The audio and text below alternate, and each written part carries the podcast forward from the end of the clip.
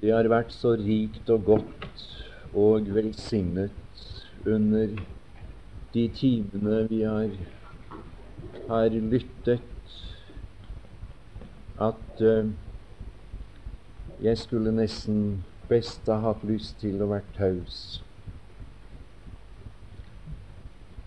Det er så jeg nesten misunner Svindland, som sitter her og bare får høre. Men eh, på samme tid så er det kun en glede for meg å få være med og bringe ut det som man har, det som jeg har fått se, det Herren i sin nåde har vist meg. Og jeg ville så gjerne dele det med dere. Jeg ser det er mange unge mennesker her. Og jeg tror at om du kunne få tak i det som vi denne time skal være opptatt med, så ville det bli deg til rik og stor velsignelse i ditt praktiske liv som en troende. Og når alt kommer til alt, så er det vel der det ofte kniper. Det er der det ofte er så vanskelig. Det er der problemene er. Vi leser videre i dag fra 1. Korintiebrev og det 15. kapittel. 1. Korintiebrev 15. kapittel og fra det 12. vers i Jesu navn. Men forkynnes det om Kristus at Han er oppstanden fra de døde, hvorledes kan da noen iblant eder si at det ikke er noen oppstandelse av døde? Men er det ikke noen oppstandelse av døde, da er heller ikke Kristus oppstanden. Men er Kristus ikke oppstanden, da er vår forkynnelse intet. Det er også eders tro intet. Da finnes vi òg å være falske vitner om Gud, fordi vi har vitnet mot Gud at Han har oppvakt Kristus som han dog ikke har oppvakt, så fremt altså de døde ikke oppstår. For dersom de døde ikke oppstår, der heller ikke Kristus oppstanden. Men er Kristus ikke oppstanden, der eders tro unyttig, der i ennu i eders synder. Der altså også de fortapt som er hensovet i Kristus. Har vi bare i dette liv satt vårt håp til Kristus, der vi de ynkverdigste av alle mennesker. Men nå er Kristus oppstanden fra de døde og er blitt førstegrøden av de hensovne. For eftersom døden er kommet ved et menneske, så er også de dødes oppstandelse kommet ved et menneske. For like som alle dør i Adam, så skal òg alle levendegjøres i Kristus. Men hver i sin egen avdeling. Kristus er førstegrøden. Deretter skal de som hører Kristus til, levendegjøres ved Hans komme. Derefter kommer enden, når han overgir riket til Gud og Faderen, efter at han har tilintetgjort all makt og all myndighet og velde. For han skal være konge inntil han får lagt alle sine fiender under sine føtter. Den siste fiende som tilintetgjøres, er døden. For han har lagt alt under hans føtter. Men når han sier at alt er ham underlagt, så er det klart at han er underlagt, unntatt som har underlagt ham alt. Men når alt er ham underlagt, da skal òg Sønnen selv underlegge seg ham, som la alt under ham for at Gud skal være alt i alle. Amen.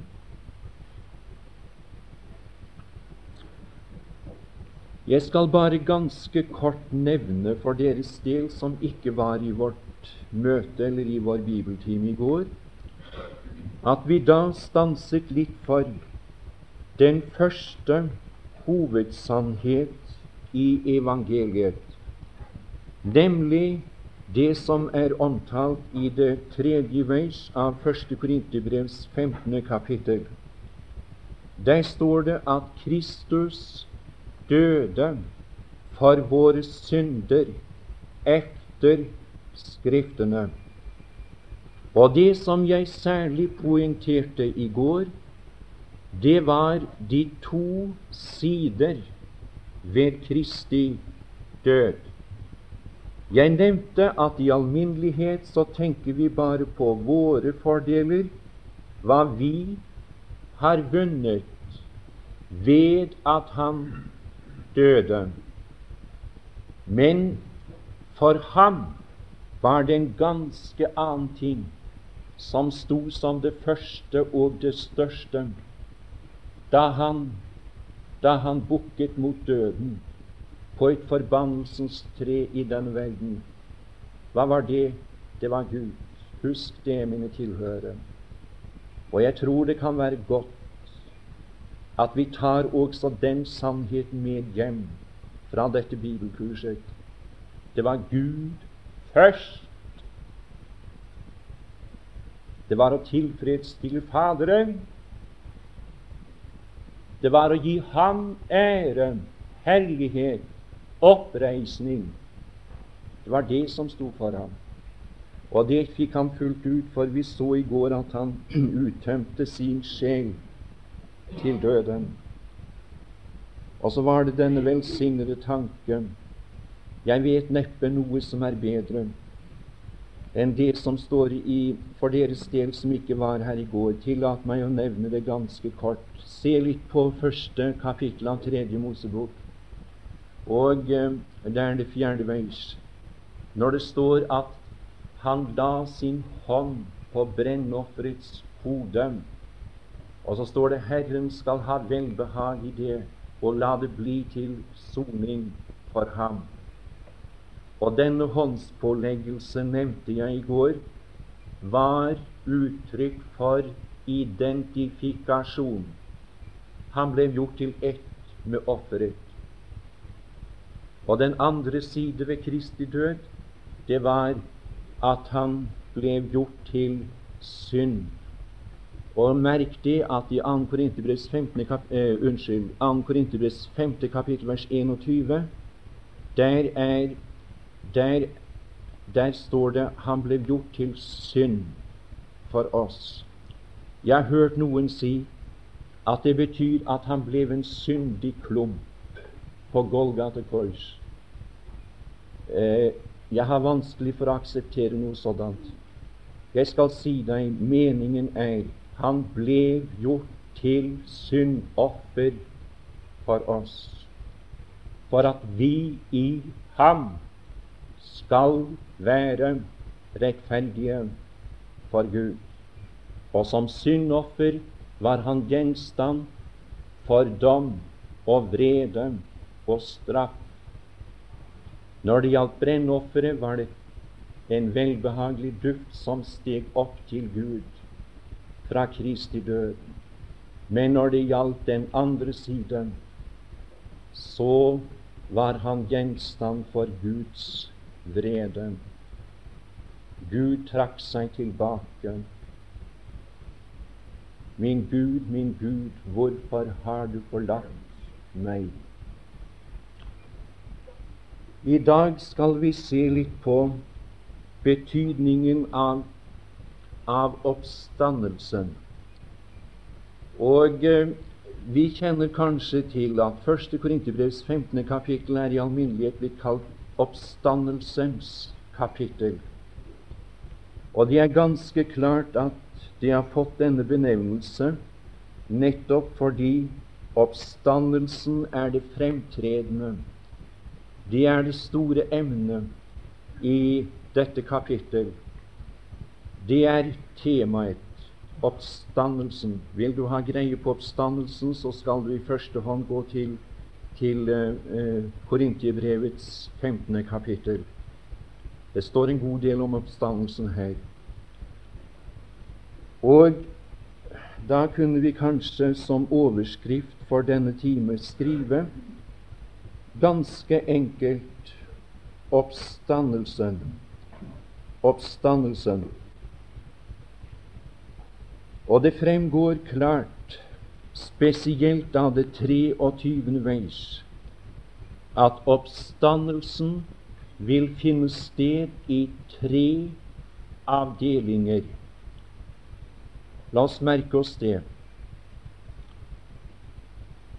Man kan vel kanskje si at oppstandelsen vil finne sted i fire akter. Jeg eh, var i den heldige situasjon som ganske ung gutt. Jeg husker ikke akkurat om jeg var 16 eller 17 år gammel første gangen jeg så dette kartet som vi har foran oss her, og som, som har vært oss til stor hjelp under den undervisning vi har fått i timene av Aurebekk. Men mange ganger har jeg takket Gud på mine kne når jeg har vært i enerom innenfor Hans åsyn, fordi at noe sådant kom i mine hender da jeg var så ganske ung troende. Jeg kan ikke si hvilken hjelp jeg har fått av det. Og jeg òg, også Aurebekk takknemlig. Han er visst ikke her i, i timen. Og det har også vært min bønn nå når jeg har sittet her. Og Svinland sa det, noe sådant har de ganske visst aldri hørt. De fleste av de som er her. Å Gud, gi at det kunne feste rot. At det kunne vokse frem i vårt liv. Det er ikke bare å høre det, men det må bli en hjertets erkjennelse. Det er det vi ønsker det må bli. Og når det gjaldt altså det som jeg her er inne på, så var kartet sammen med mange andre skrifter til stor hjelp for meg da jeg var en ung trone. Legg merke til i det 23. vers. Der står det ganske klart Ja, det er så klart at selv et barn må kunne skjønne det. Og endog er det skjult for så mange vise og forstandige. Men hver i sin egen avdeling. Kristus er førstegrøden. Jeg har satt et ett-tall foran Kristus der. Kristus er førstegrøden. Det er altså punkt én. Og det kunne vi også sette eh, du, Jeg går ut fra at du tok med det. Oppstandelsen vil finne sted i flere avdelinger eller i flere akter. Og så kan du da under romertall 1 i dag sette de ordene Kristus er førstegrøden. Kristus er førstegrøden. Hans oppstandelse er allerede skjedd, sier Guds ord. Og han kom opp som det første kornbånd, som førstegrøden av de hengsovre. Jeg tror ikke at det er nødvendig. Vi sier svært meget om selve kjensgjerningen, Kristi oppstandelse fra de døde. For jeg har den tro at de fleste i hvert fall, og jeg håper alle som er her i dag. Vi har ingen vanskeligheter med det spørsmålet der. Vi vet på hvem vi tror, og vi vet at han er oppstanden fra de døde. Graven er tom. Men hva betyr egentlig Kristi oppstandelse for deg? Det er et spørsmål som vi skal dvele litt ved. Hva betyr egentlig Kristi oppstandelse for deg som er en trone her i dag? Hva ser du egentlig i det? Hva innebærer det for deg i ditt liv at han er oppstanden fra de døde, er blitt førstegrøten av de hensovne? La meg da peke på noen ting som har gjort mitt hjerte godt. Og det første som vi da skal understreke, er hva det står i Romebrevet og det sjette kapittel fra det åttende veis. Romebrevet seks fra vers 8. Er vi død med Kristus, da tror vi at vi også skal leve med ham. Ja, dette er viktig, og dere unge som er her. Det er meget mulig at dere har hørt det, at dere har lest det. Det er én ting. Men det er noe ganske annet når, du, når det går opp for deg. Jeg husker at vår kjære broder Bjerkreim han brukte så ofte dette uttrykket, og det var slående, treffende. Har det gått opp for deg? Det må komme til et sådant punkt i vårt liv at det virkelig går opp for oss dette er vi død med Kristus? Og det skulle jeg også ha talt en god del om, men tiden tillater ikke det nå. Jeg vil bare peke på hva jeg var litt inne på i går, at vi døde med Kristus. Det er det som her er omtalt. Ikke bare det at han døde for oss, men vi finner på mange steder i Det nye testamentets brever, i apostelen Paulus' brever, at vi som Adams barn døde med ham. Altså, vi ble også begravet med ham. Det var det vi antydet. Begravelse er omtalt for første gang i første Mosebok, det, 24, eh, det 23. kapittel. Det står om Sara at han ville begrave henne og skaffe henne bort fra sitt åsyn. Og sannheten er, venner, det var det som skjedde på Golgate kors. Vi, vi ble korsfestet med ham. Og i Kristi begravelse ble vi begravet og skaffet vekk fra Guds åsyn som syndere. Vi eksisterer ikke som sådan lenger for Gud. Og les nå eh, eh, Romerbrevets sjette kapittel fra det åttende vers. Er vi død med Kristus, da tror vi at vi også skal leve med Ham. Jeg tror vi skal lese det en gang til. Jeg påkaller enhvers oppmerksomhet for denne tanke. Den er så viktig. Og du store tid, om noen kunne reise hjem fra dette Bibels eh, og så virkelig regne med dette i sitt liv som troende. At det forholder seg slik innenfor Gud. Du er død med Kristus, og du er blitt levendegjort med ham. Du er oppstanden med ham. Du lever i og med ham innenfor Guds åsyn.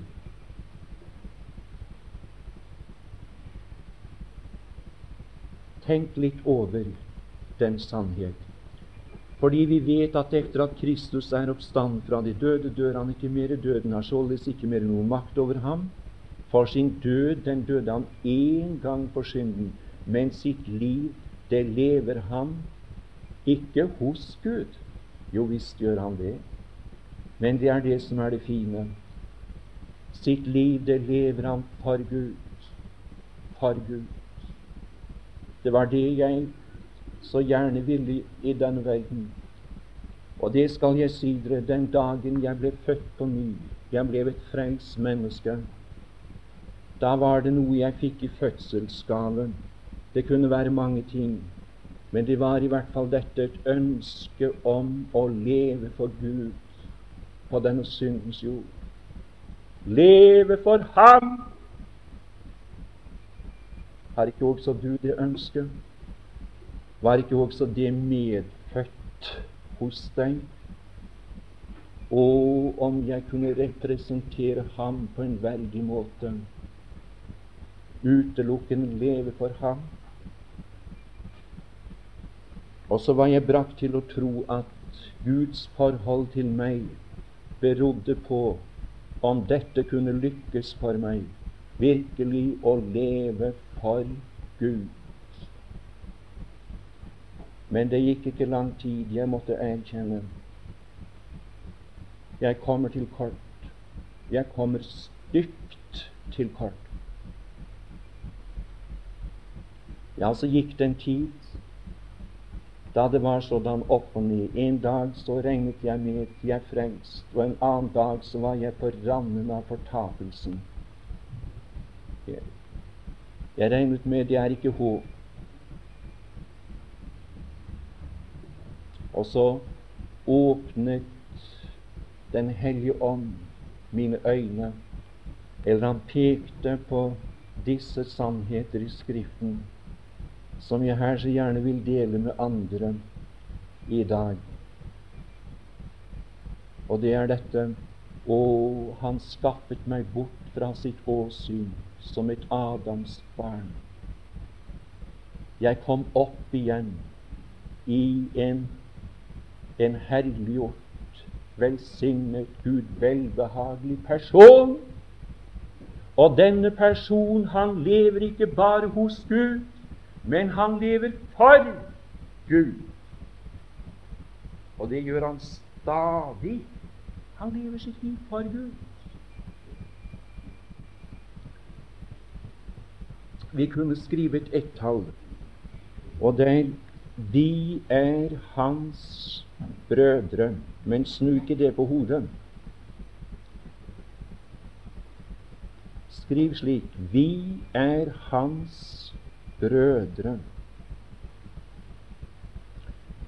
Og eh, ta med Johansevangeliums 20. kapittel. Johansevangeliums 20. kapittel vers 17. og Hebrebrevet 2 fra vers 11. Hebrebrevet 2 fra vers 11. Og nå kunne vi kanskje lese litt der. Du husker sikkert sammenhengen fra Johans evangeliums 20. kapittel. Det er Maria som står utenfor Kristi grav og gråter. Og så kommer den Herre Jesus og taler til henne. Og til å begynne med så kjente hun ham ikke. Men så sier han kun ett ord, bare ett ord. Og det var nok til at Maria gjenkjente ham. Han sier 'Maria, Maria'. Og så sier hun Rabuni, de er mester. Hun kjente ham. Jeg glemmer aldri den dagen i mitt liv da jeg hørte den levendes stemme. Jeg kan så godt forstå når det blir uttrykt sådan i påskesalmen. Jeg levende så ham i haven og aldri så skjønn jeg ham så. Det er også min erfaring. Aldri har jeg sett ham så skjønn som da jeg så ham som den oppstandende, som den helliggjorte. Aller skjønne så jeg ham på tronen, i Guds nærhet, innenfor det revnede forheng. Og så sier han til Maria i det 17. vers Og her kommer altså det nye forhold inn. Det har aldri vært sagt noe sådant i denne verden, ikke i den betydning som vi her finner det omtalt. Han sier til Maria, merk nå, gå og si til mine tjenere. Sa han det?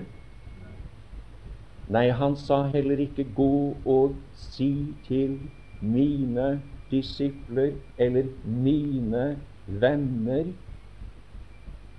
Den høyeste tittelen troende kunne oppnå i Det gamle testamentet, var å bli kalt Guds venn. Abraham ble kalt Guds venn. Men hør, her bruker han et aldeles nytt uttrykk. Han sier Gå og si til mine brødre Mine brødre. Mine brødre. Jeg farer opp til min Fader og eders Fader, til min Gud og eders Gud. Og i Hebrebrevets annet kapittel og der det ellevte til det tolvte vers, der står skrevet Både den som helliggjør og de som helliggjøres, er alle av én. Derfor skammer han seg ikke ved å kalle dem brødre. Ja, venner, dette leser jeg med den dypeste ærbødighet. Jeg har kun trang til en eneste ting når jeg leser sådanne ord, og det er å tilbe dem. Bare være ganske taus og betrakte denne velsignede person om hvem det heter. Han skammer seg ikke ved å kalle dem brødre. Må jeg i all fortrolighet i dag få spørre deg som er her, har du noensinne skammet deg for å kalle ham Herre, Frelser i denne verden? Jeg må bare si, venner, og det er ikke svært lenge siden det hendte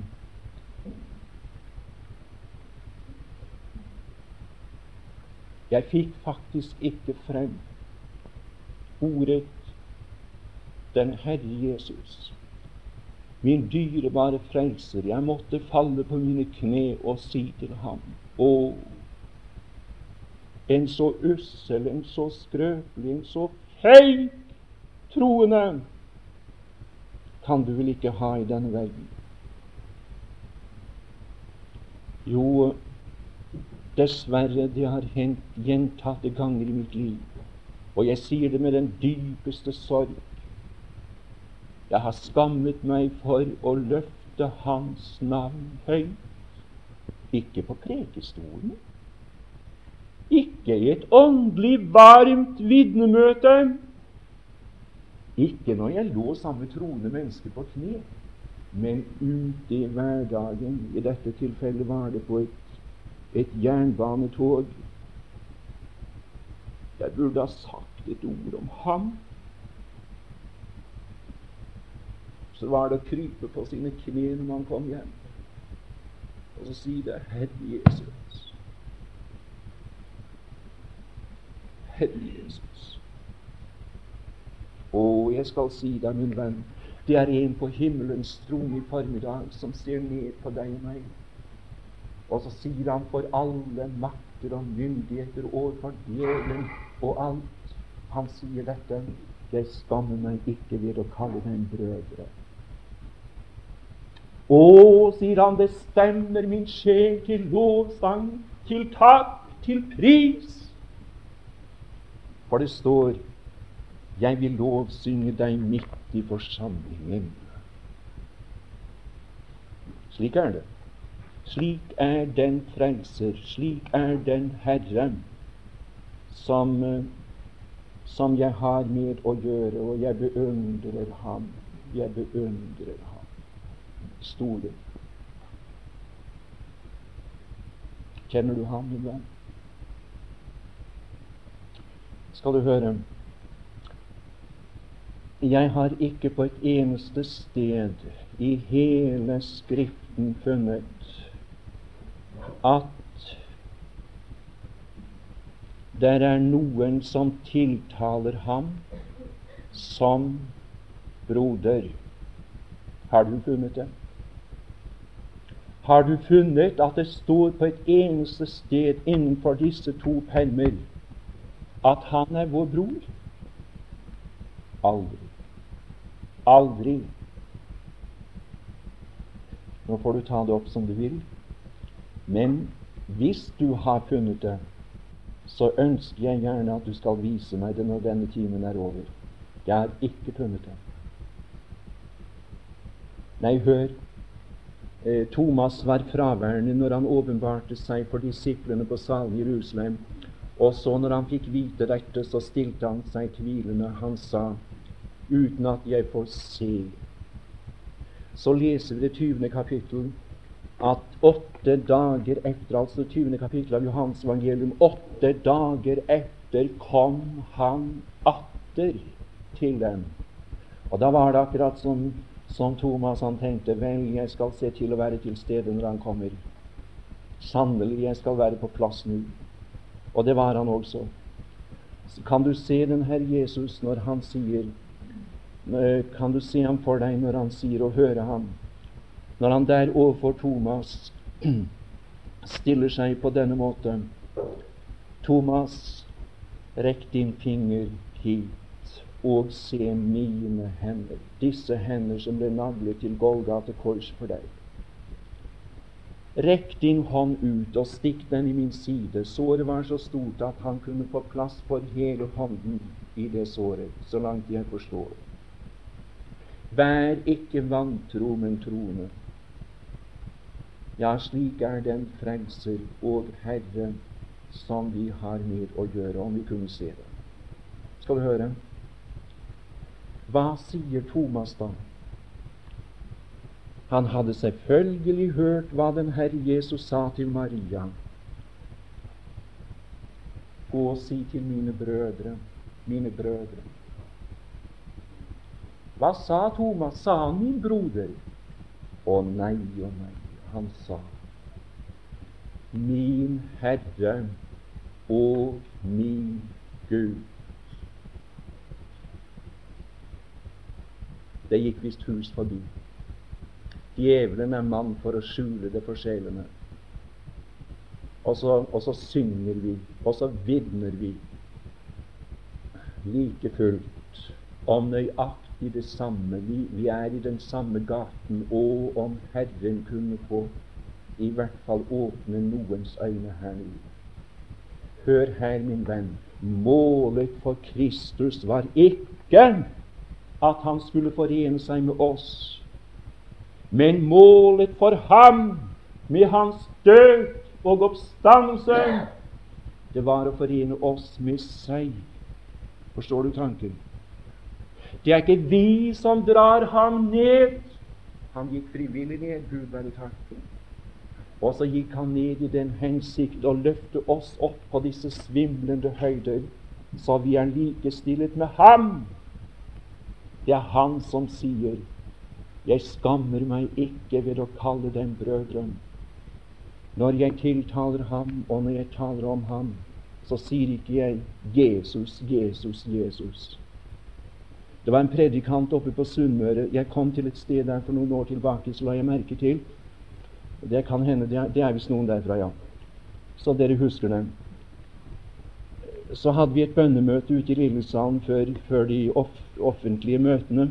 Og så la jeg merke til at de unge piker og gutter der de lå altså hele tiden under bønnen og sa 'Jesus, Jesus, Jesus'. Og så spurte jeg hvorfor sier dere det ordet stadig?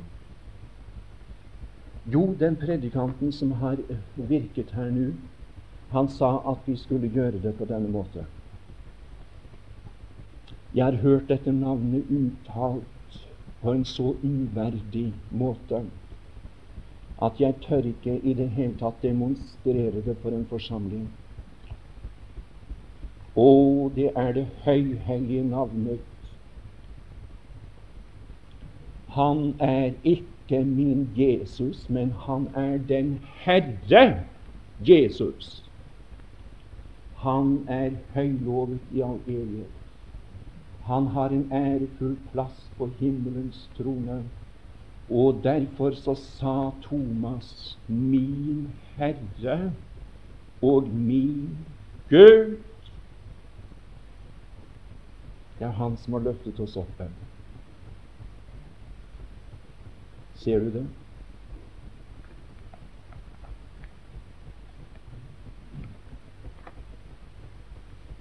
skal vi også ta med eh, vi, er, vi er gjenstand for den, det samme velbehagelige smil som han er gjenstand for. Eller om du vil formulere det på en annen måte.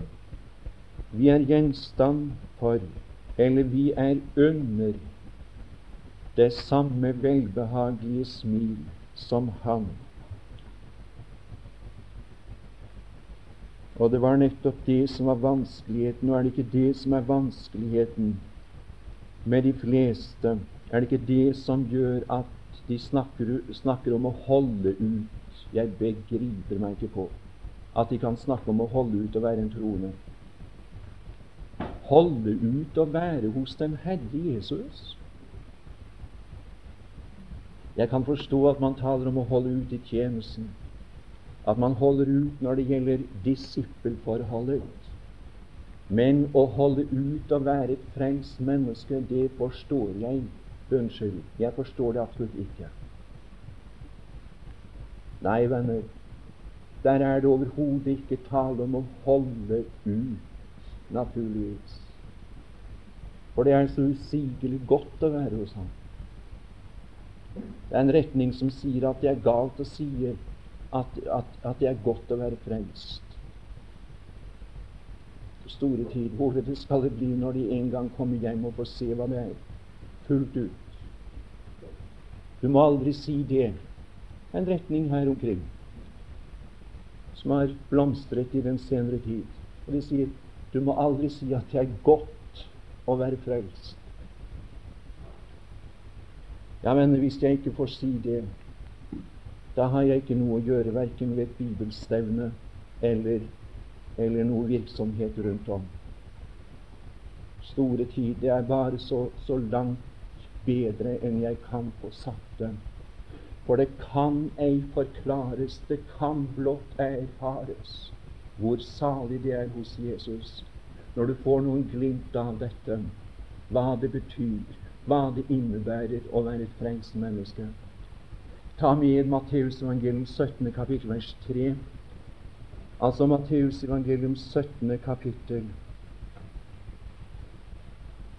Ja, det er vel det femte vers, kanskje.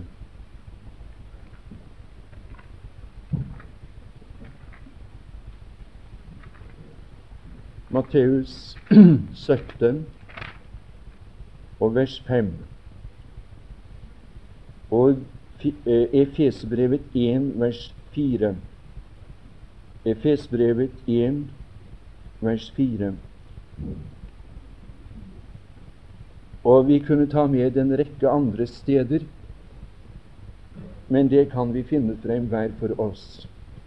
I Matteus 17, vers 5 sier han der oppe på berget når, når Kristus blir forklaret så kommer det en røst fra himmelen. Det er Faderen som taler. Dette er min sønn, den elskede, i hvem jeg har velbehag. Jeg er fornøyd med ham. Jeg er tilfreds med ham. Jeg har fullt ut behag i ham. Og i, Efesebrevets første kapittel og det fjerde vers, der der står det like som Han utvalgte oss i Ham før verdens grunnvoll ble lagt. Legg merke til at det uttrykket forekommer kun tre ganger i Skriften, og står alltid i forbindelse med Kristus og menigheten, aldri i forbindelse med jøder eller hedninger. Og jeg er så veldig glad for at disse linjene kommer klart frem nå i, i timene her. Jeg har forresten akkurat sendt inn noen artikler om tidshusholdningene. Jeg kan jo Nå må dere ikke tro at jeg står her og sprøyter, men jeg kan jo ikke fremstille det slik som vi har fått det fremstilt her. Det er jo ganske umulig. Men jeg gleder meg over at det er noen ennå som ser linjene i Bibelen. Det gjør jeg.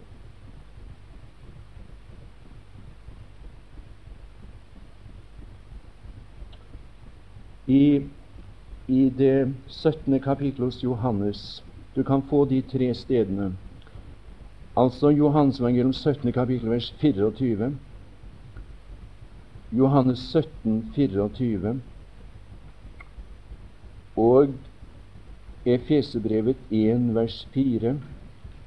1. Peter 1, 18-20. Eh, uttrykket 'fra verdens grunnvoll ble lagt' forekommer syv ganger og står alltid i forbindelse med Israel og de øvrige nasjoner, eller Israel, jøder og hedninger. Aldri i forbindelse med menigheten eller Kristus som sådan. I eh, det 17. kapittel vers 24 der sier den Herre Jesus du har elsket meg før verdens grunnvoll ble lagt. Legg merke til der er Kristus alene i evigheten. Du har elsket meg før verdens grunnvoll ble lagt. Der er han alene i dette forhold til Faderen. Og Faderen, han står stadig i forhold til ham, slik som han gir uttrykk for det her. Han, han elsker Sønnen fra evighet av, før verdens grunnvoll I eh, Efesebrevet der er ikke Kristus alene, men der er det blitt mange. Der er det blitt mange, for det står Han har utvalgt oss i ham før verdens grunnvoll ble lagt, for at vi skulle være hellige og ulastelige for Hans åsyn. Og det store tid, der er det blitt mange under Guds velbehag. Han var en gang alene, Se der er det blitt mange. Og i første Peter, der får du høre hva det kostet hva det kostet å bringe sådanne som vi var, inn i en så høy stilling innenfor Guds åsyn. Og der står det, for de vet at ikke med forgjengelige ting, sølv eller gull, ble løskjøpt fra det slålige feil som var avlet fra fedrene, men ved Kristi dyre blod, som blod av et ulastelig og lydløst lam. Han som forut var kjent før verdens grunnvoll ble lagt, men ble åpenbart ved tidenes ende for eders skyld. Altså, her får du høre hva det kostet, og det skal vi aldri glemme. Venner. Hva det kostet å bringe oss inn i en sådan høy stilling at vi kan være under det samme velbehagelige blikk som Han er. Ingen forskjell på Han og oss som sådan. Han ser på meg som han ser på sin sønn. Jeg er identisk med ham innenfor Guds åsyn. Det er noe som fremkaller lovprisning i et Guds barns liv. Og jeg undres ikke over at apostelen sier 'Lovet være Gud' og vår Herre Jesu Kristi Fader, Han som har velsignet oss med all åndelig velsignelse i himmelen i Kristus. Like som Han utvalgte oss i Ham, ikke utvalgte oss individuelt til frelse, mens han så forbi andre mennesker. Nei, den, den tanke er fremmed i Skriften, men utvalgte oss til å være hellige og ulastelige. Det var det han planla, det var det han bestemte. Så får vi gå videre i morgen. Vår Gud. Vi takker deg fordi vi har en levende frelser. Og vi takker deg, Herre Jesus, fordi du er så stor at du, du kan si om sådanne som oss, som du en gang fant langt, langt der nede, og løftet opp. Du kan si om oss det er en ære for deg å kalle oss brødre. Jeg beundrer deg, Herre Jesus. La det lykkes at også det vi her har betraktet, kunne være noen mann til hjelp for sjelene. Og velsign dagen for øvrig. Den er lagt i din hånd fortsatt. Takk for velsignelsen jeg har mottatt når jeg har sittet her. Velsign vår kjære broder til ånd, sjel og legeme, til å kunne holde ut i tjenesten denne uke.